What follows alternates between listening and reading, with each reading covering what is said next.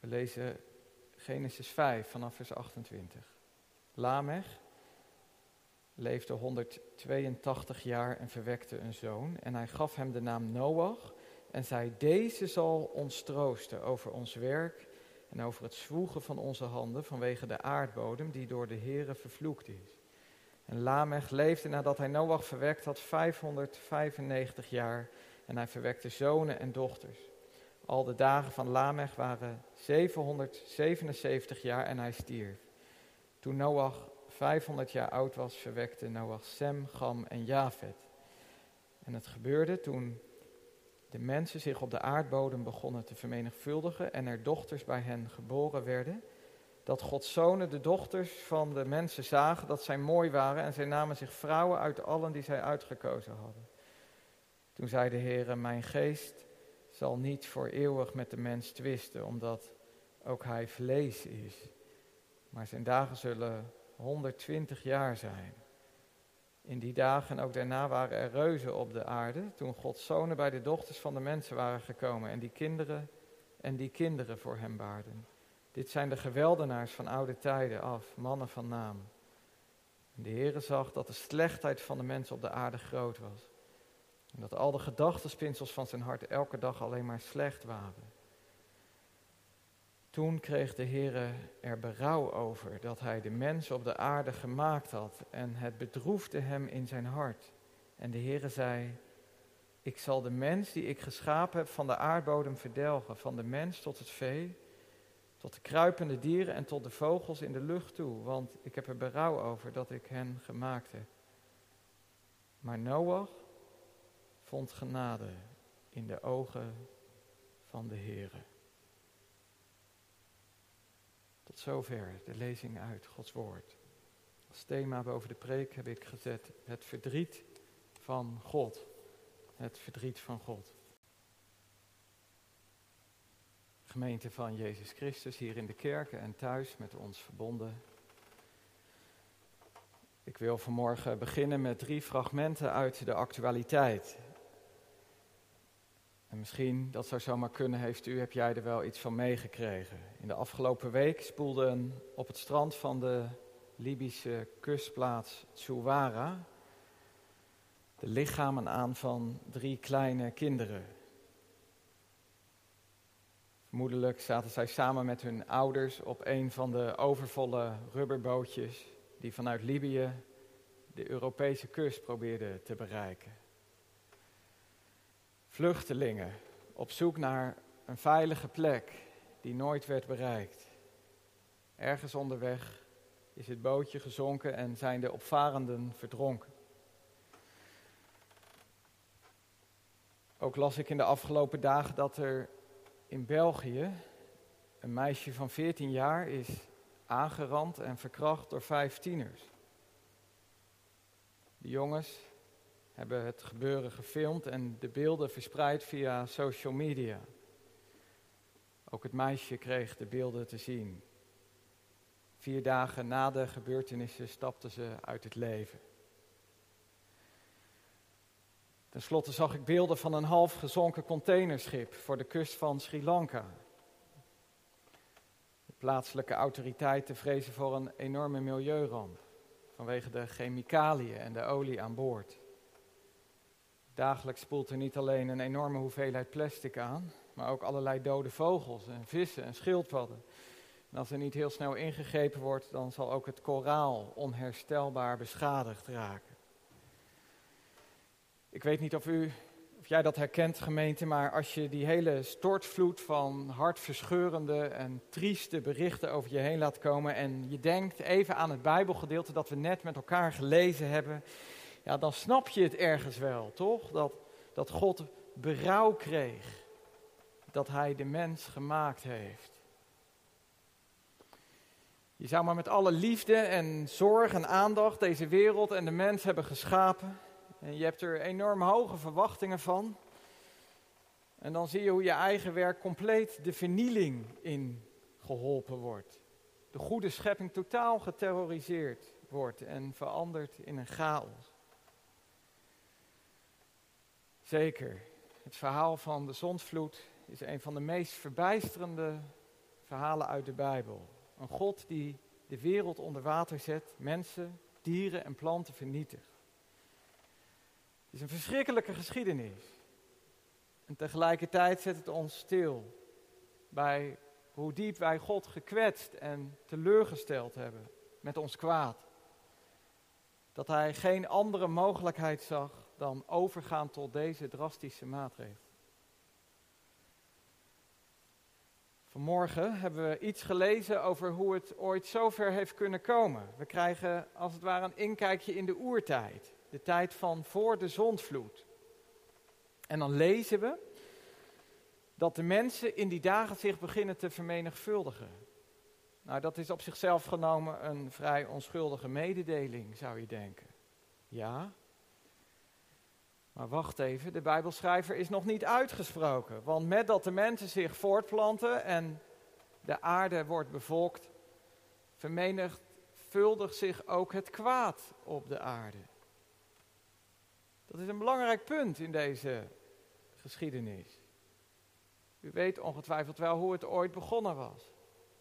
Hoe Adam en Eva zich lieten verleiden door de stem van het kwaad. De stem die wantrouwen had gezaaid richting God. En de mens had toegegeven aan die stem. En zo de deur voor het kwaad opengezet. Met alle dramatische gevolgen van dien. En ja, vanaf dat moment ging het alleen nog maar van kwaad tot erger. In Genesis 3 verbreekt de mens de band met God. Maar amper een hoofdstuk later slaat de ene broer de andere dood is als een sneeuwbal die de berg afrolt en groter en groter wordt. In hoofdstuk 4 lezen we over de nakomelingen van Kain. Nou, dan lopen de rillingen helemaal over je rug.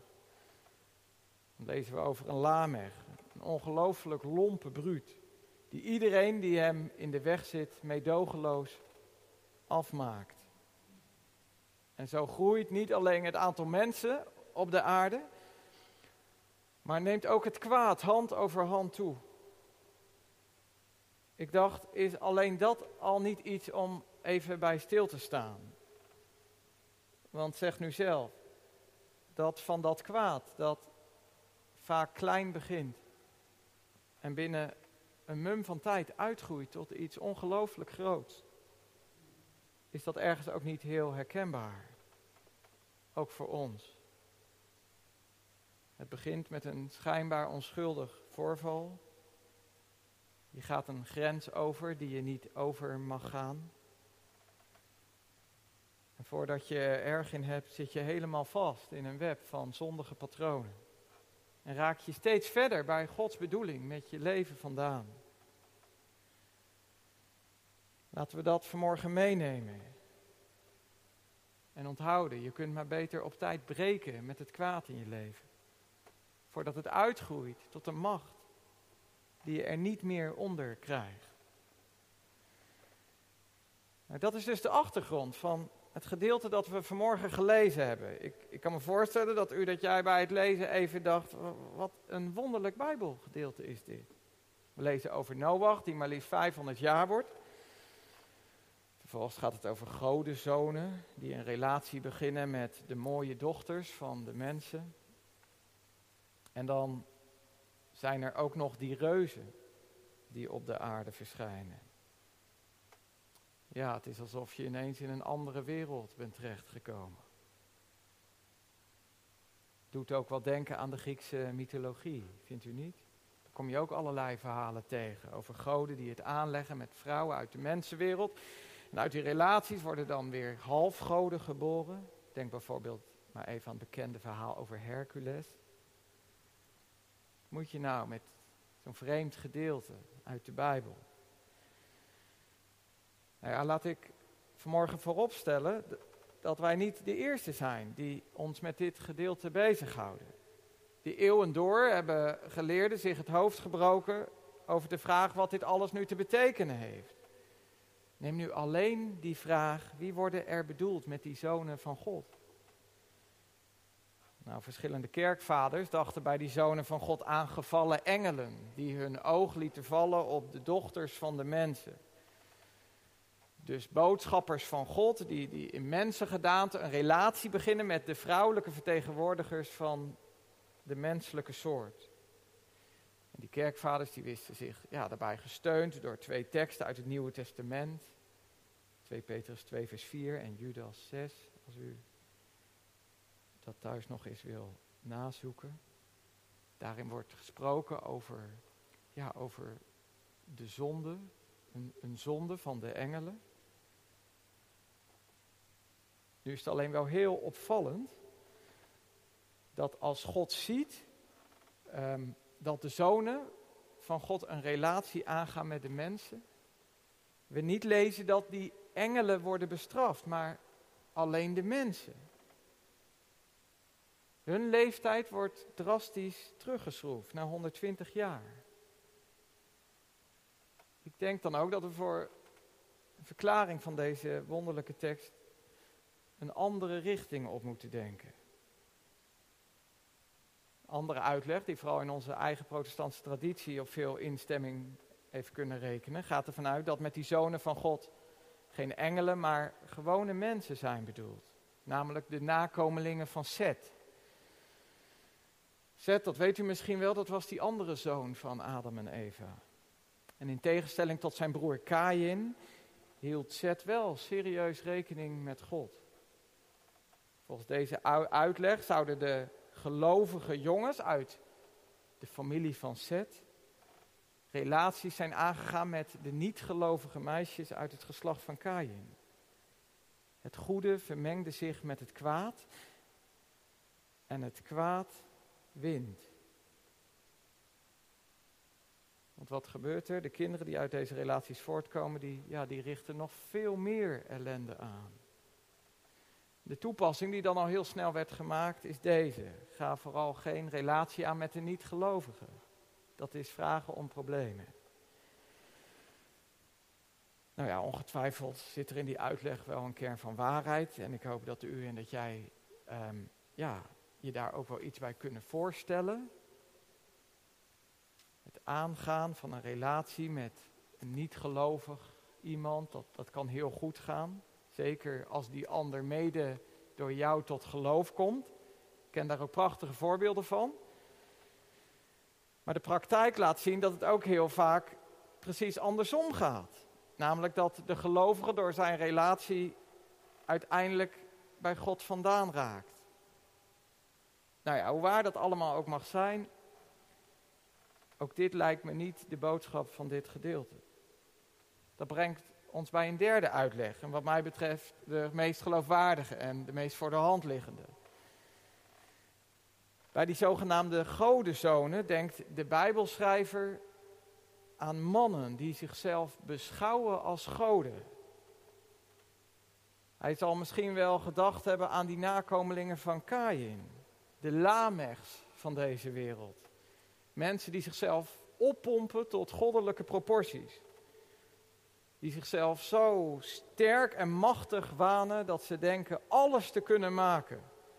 Ze trekken zich helemaal niets meer aan van God en zijn goede grenzen en beschouwen zichzelf als de maat van alle dingen. Het is iets van alle tijden. misschien moet je ook wel zeggen, het is iets van alle mensen. De Bijbel vertelt ons dat wij slechts mensen zijn. Wij zijn gewoon maar mensen. Zeker, geschapen naar het beeld van God, maar we zijn God zelf niet. En toch, toch is er altijd weer die neiging diep van binnen naar groter en machtiger en beter. De neiging om Gods grenzen op te zoeken en over te gaan. En voordat we het door hebben, gedragen we ons als kleine godjes. Waar dat gebeurt, waar mensen los van God zichzelf opblazen, als God willen zijn, zelf de regie van het leven willen voeren, doen waar je zin in hebt, daar gaat het altijd ten koste van de ander. Daar wordt de wereld een jungle, waar het recht van de sterkste geldt. En waar de zwakke en kwetsbare de dupe van worden. Daar zucht de schepping en daar raakt alle menselijkheid zoek. Ja, waar een mens zich losmaakt van God, en alles gaat draaien om zijn eigen dikke ik, Daar wordt de wereld op den duur onleefbaar. Dat is de sfeer die in dit Bijbelgedeelte wordt opgeroepen. Mannen die zichzelf als God beschouwen en denken dat ze alles kunnen maken. Ze nemen vrouwen tot zich alsof het dingen, alsof het objecten zijn. Het doet wat denken aan de hele MeToo-beweging van onze tijd. Machtige mannen als Harvey Weinstein en Jeffrey Epstein, die hun macht vreselijk misbruiken en zo kostbare levens verwoesten. En nu vertelt de Bijbelschrijver ook nog dat als die zogenaamde godenzonen een relatie aangaan met de dochters van de mensen, er uit die huwelijken reuzen worden geboren. Grote jongens, geweldenaars, mannen van naam. Ja, als je goed luistert, dan druipt de ironie ervan af. Want voor de Bijbelschrijver staat één ding vast. Die zogenaamde mannen van naam, die, die mogen geen naam hebben. Dat is heel opvallend, vindt u niet? Noach is de laatste in een lange lijst van mensen die een naam hebben. Maar bij al die reuzen ontbreekt dat. En daar heeft de Bijbelschrijver natuurlijk een boodschap mee. In Gods ogen stellen al die reuzen maar weinig voor. Ze zijn het niet eens waard om bij hun naam genoemd te worden. Intussen wordt met die reuzen wel duidelijk dat het kwaad op de aarde monsterlijke proporties begint aan te nemen. Die reuzen die lijken op hun vaders, maar dan in het kwadraat.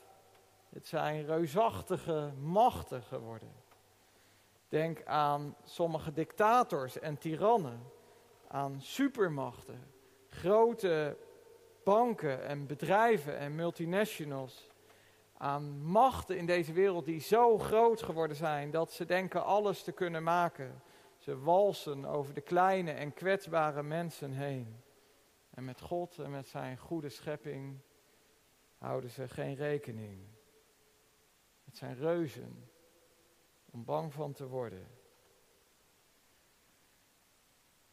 Als God ziet wat er van zijn goede schepping geworden is, grijpt hij in. En het eerste wat hij doet is de levensduur van de mensen inperken. Bereikte Noach en zijn voorouders nog zeer hoge leeftijden. Vanaf nu zal de mens niet ouder worden dan 120 jaar. En dat is misschien maar goed ook. Zo kan de mens tenminste niet eindeloos lang doorgaan met het aanrichten van kwaad. De dictators en tirannen van deze wereld hebben God zij dank niet het eeuwige leven. Je zou kunnen zeggen, God zet de mens weer op zijn plek. Waar de mens als God wil zijn, daar laat God weten, je bent maar een mens, een sterveling.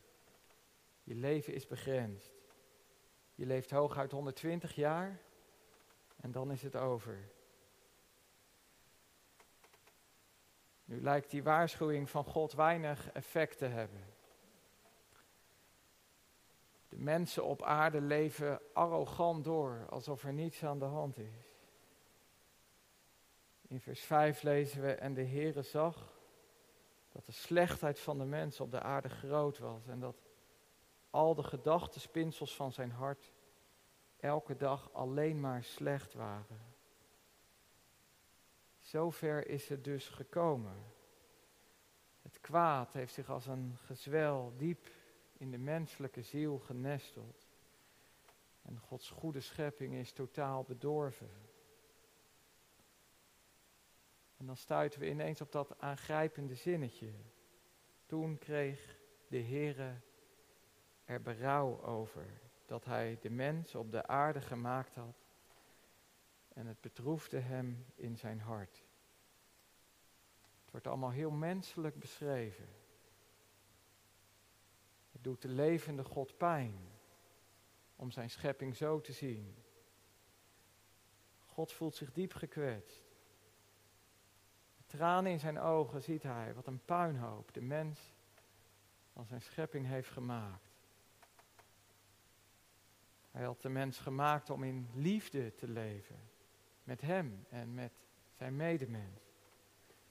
Om de goede schepping te bewaren, om daar op een verantwoordelijke wijze mee om te gaan. Maar de mens trekt zich niets van zijn schepper aan. Gods heilzame grenzen worden niet gerespecteerd. En de wereld verandert in een chaos. Het bedroefde hem in zijn hart. Opvallend, vindt u niet? Dat er niet staat dat God boos is. Dat zal hij ongetwijfeld ook wel zijn. Maar we lezen het niet. Nee, het bedroefde hem. Hij voelt pijn en verdriet en spijt als hij naar zijn schepping kijkt. het lijkt ook wel alsof hij het zich persoonlijk aantrekt. Dat zijn plan met de wereld zo mislukt is. Het is alsof hij zegt, was ik er maar nooit aan begonnen. Aangrijpend, vindt u niet?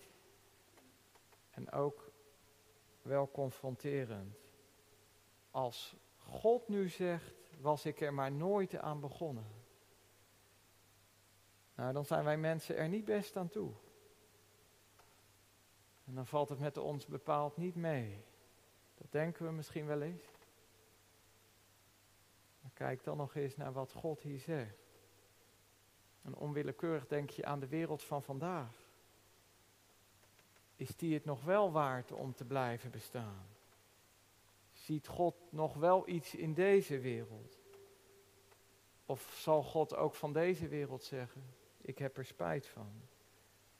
Was ik er maar nooit aan begonnen? En dan neemt God het ingrijpende besluit om zijn eigen schepping te vernietigen. God heeft geen enkele hoop meer dat het nog beter wordt. En hij ziet geen andere uitweg dan deze wereld radicaal schoonspoelen. Je zou ook kunnen zeggen, de mensen met hun kwaad hebben van deze wereld een chaos gemaakt. God hoeft alleen nog maar de laatste stap te zetten. Dat de wateren van het begin terugkomen. Dat alles weer ongedaan gemaakt wordt. En dan is de wereld weer terug bij af. Terug bij de chaos van het begin. Nogmaals gemeente, dit is niet het besluit van een koele, onbewogen oppermacht. Dit is geen koelbloedige strafoefening, geen woedende wraakneming. Nee, het is met de allergrootste bewogenheid dat God deze ingrijpende beslissing neemt. En uiteindelijk doet God dit ook uit zorg voor de mens, voor de toekomst van de mens. Om een einde te maken aan die eeuwige cirkel van geweld en terreur en onrecht. Om zijn wereld te boeden voor nog meer ellende. Het is een ongelooflijk donkere bladzijde aan het begin van de Bijbel. En toch, toch is dit niet het hele verhaal. Toch valt er ook door dit donkere gedeelte een streep van licht. En dat heeft alles te maken met dat laatste vers. Daar lezen we, maar Noach vond genade in de ogen van de Heer. Hoort u dat?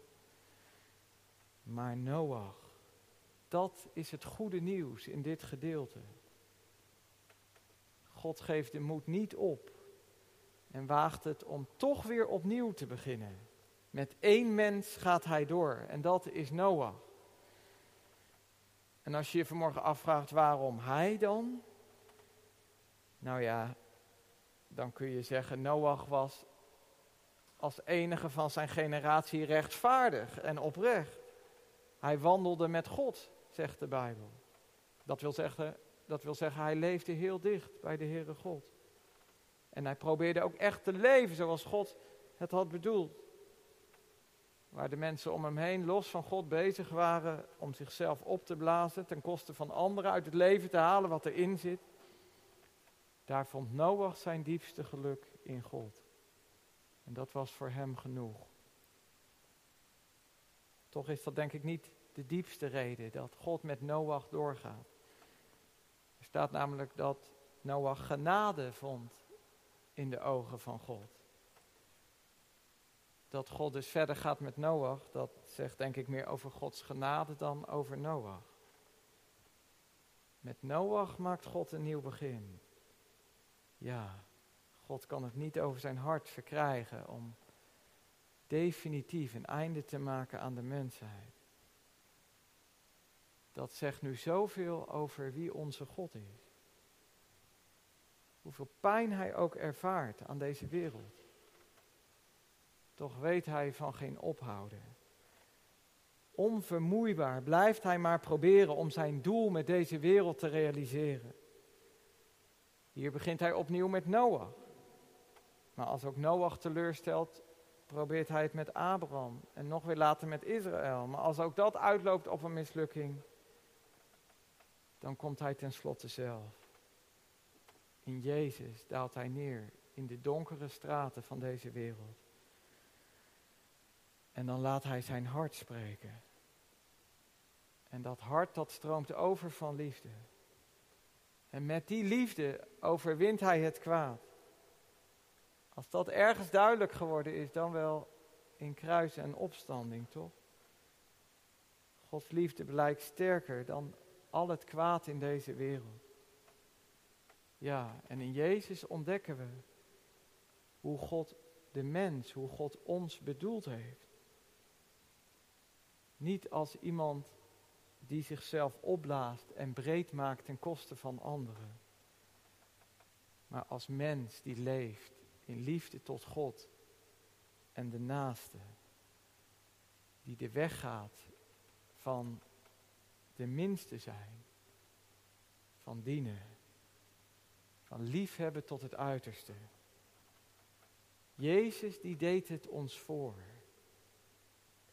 En hij deed het voor ons in onze plaats. En daar moeten u en jij en ik het ook vandaag nog helemaal van hebben. Ik hoop dat je er iets van kent. Van die stille stem in je hart. Dat hij je hoogmoed omboog. En je weerstand overwon met de macht van zijn liefde. Dat zijn liefde je te veel werd. En je je er, eraan gewonnen gaf. Zodat je nu ook achter hem die weg van de liefde mag gaan. Alleen langs die weg hebben wij en onze wereld toekomst. Amen.